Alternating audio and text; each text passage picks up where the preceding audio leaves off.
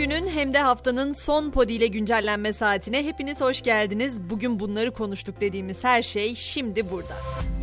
Türkiye, İsveç'in ülkemizdeki terör mücadelesine destek vermemesi ve suçluları iade etmemesi nedeniyle NATO üyeliğini veto etmişti. Hatırlayacaksınız. İşte bugün İsveç Türkiye'ye bir mektup göndererek ülkedeki terör unsurlarına karşı polisi harekete geçirdiğini iletti.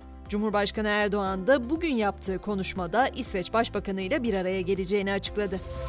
Geçelim Azerbaycan'a. Dün akşam geçirdiği kaza sonrası hastaneye kaldırılan AK Parti Genel Başkan Vekili Binali Yıldırım ambulans uçakla İstanbul'a getirildi bugün. Yıldırım'ın tedavisine Başakşehir Şehir Hastanesi'nde devam edilecek.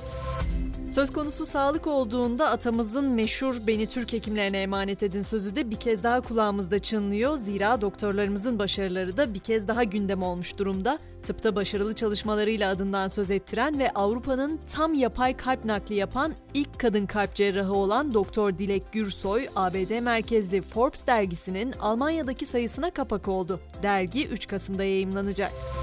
Yine sağlıkla ilgili bir haberde Fransa'dan ülkede parasetamol içeren ilaçların satışının azaltılması istendi. Doktora ihtiyaç duymayan hastalara bu ilaçları reçete etmeme, vatandaşa da stok yapmama çağrısı yapıldı.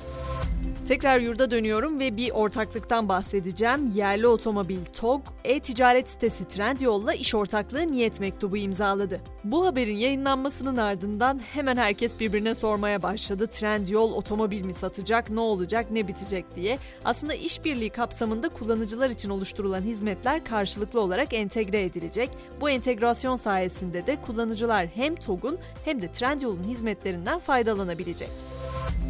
Her şey iyi güzel, yerli otomobil de piyasaya çıkmak üzere ama yeni yılda motorlu taşıtlar vergisine en az %60 zam gelmesi bekleniyor. 2022 yılında 2746 lira MTV ödeyen bir kişinin yeni yılda ödeyeceği miktar yaklaşık 4493 lira olacak. Ülkemizin popüler elektrikli scooter kiralama servisleri arasında yer alan Martı ise trafik sorunu ve artan akaryakıt fiyatlarına karşı BlaBlaCar benzeri bir sistem başlattığını duyurdu. Girişim Tek Araçla Gidelim isimli platformla birlikte aracında boş koltuklarıyla yolculuk yapan sürücülerle aynı yöne gitmek isteyen yolcuları buluşturacak.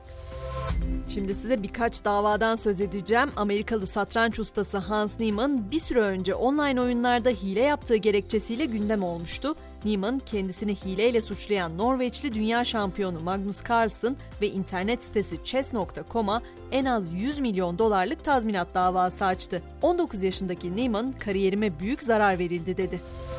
Hindistan'da ise Google'a 161 milyon dolar para cezası kesildi. Teknoloji devi piyasaya hakim olmak için Android işletim sisteminin lisansını kötüye kullanmakla suçlanıyor. Sosyal medya platformları ile ilgili bir diğer dedikoduysa SpaceX ve Tesla'nın CEO'su Elon Musk'ın Twitter'ı satın alma süreciyle ilgili Musk'ın Twitter'ı satın alması durumunda çalışanlarının %75'ini işten çıkaracağı konuşuluyor. Biraz da filmlerin dünyasında gezinelim istiyorum. 10. Boğaziçi Film Festivali bugün itibariyle başladı. Uluslararası uzun metraj film yarışmasında 10 filmin yarışacağı festival 28 Ekim'de sona erecek. Hemen festival biletlerinin fiyatlarını da aktarmak isterim. Tam biletler 30, belgesel ve kısa film biletleri 20 liradan satılıyor. Sinema salonlarına baktığımızda ise bu hafta 3 yerli 5 film vizyona girdi. Özellikle Dwayne Johnson'ın başrolünde oynadığı Black Adam filmi bilim kurgu ve aksiyon meraklılarının ilgisini çekiyor. Film özel güçler kazandıktan sonra hapsedilen ve 5000 yıllık tutsaklığın ardından zincirlerinden kurtulan anti kahraman Black Adam'ın hikayesini anlatıyor. Bir de ufak notum var. Filmi Türkçe dublajla izlemeyi seçerseniz Cylon karakterini benim sesimden izlemeniz de mümkün. Hemen spor dünyasına geçtim. Süper Lig'de 11. hafta bu akşam oynanacak Antalya Spor İstanbul Spor maçıyla başlayacak. Mücadele saat 20'de. Noktayı da potayla koyalım. Türk Hava Yolları Avrupa Ligi'nin dördüncü haftasında bugün Anadolu Efes Park'ede olacak. Temsilcimiz evinde Alba Berlin'i konuk edecek. Bu mücadelenin başlama saati de 20.30. Kulağınızdaki ses ben Gizem Gülen Tuğaç. Haftanın son podi ile güncellemesini burada noktaladık. Pazartesi tekrar görüşmek üzere. Herkese iyi hafta sonları diliyorum. Hoşçakalın.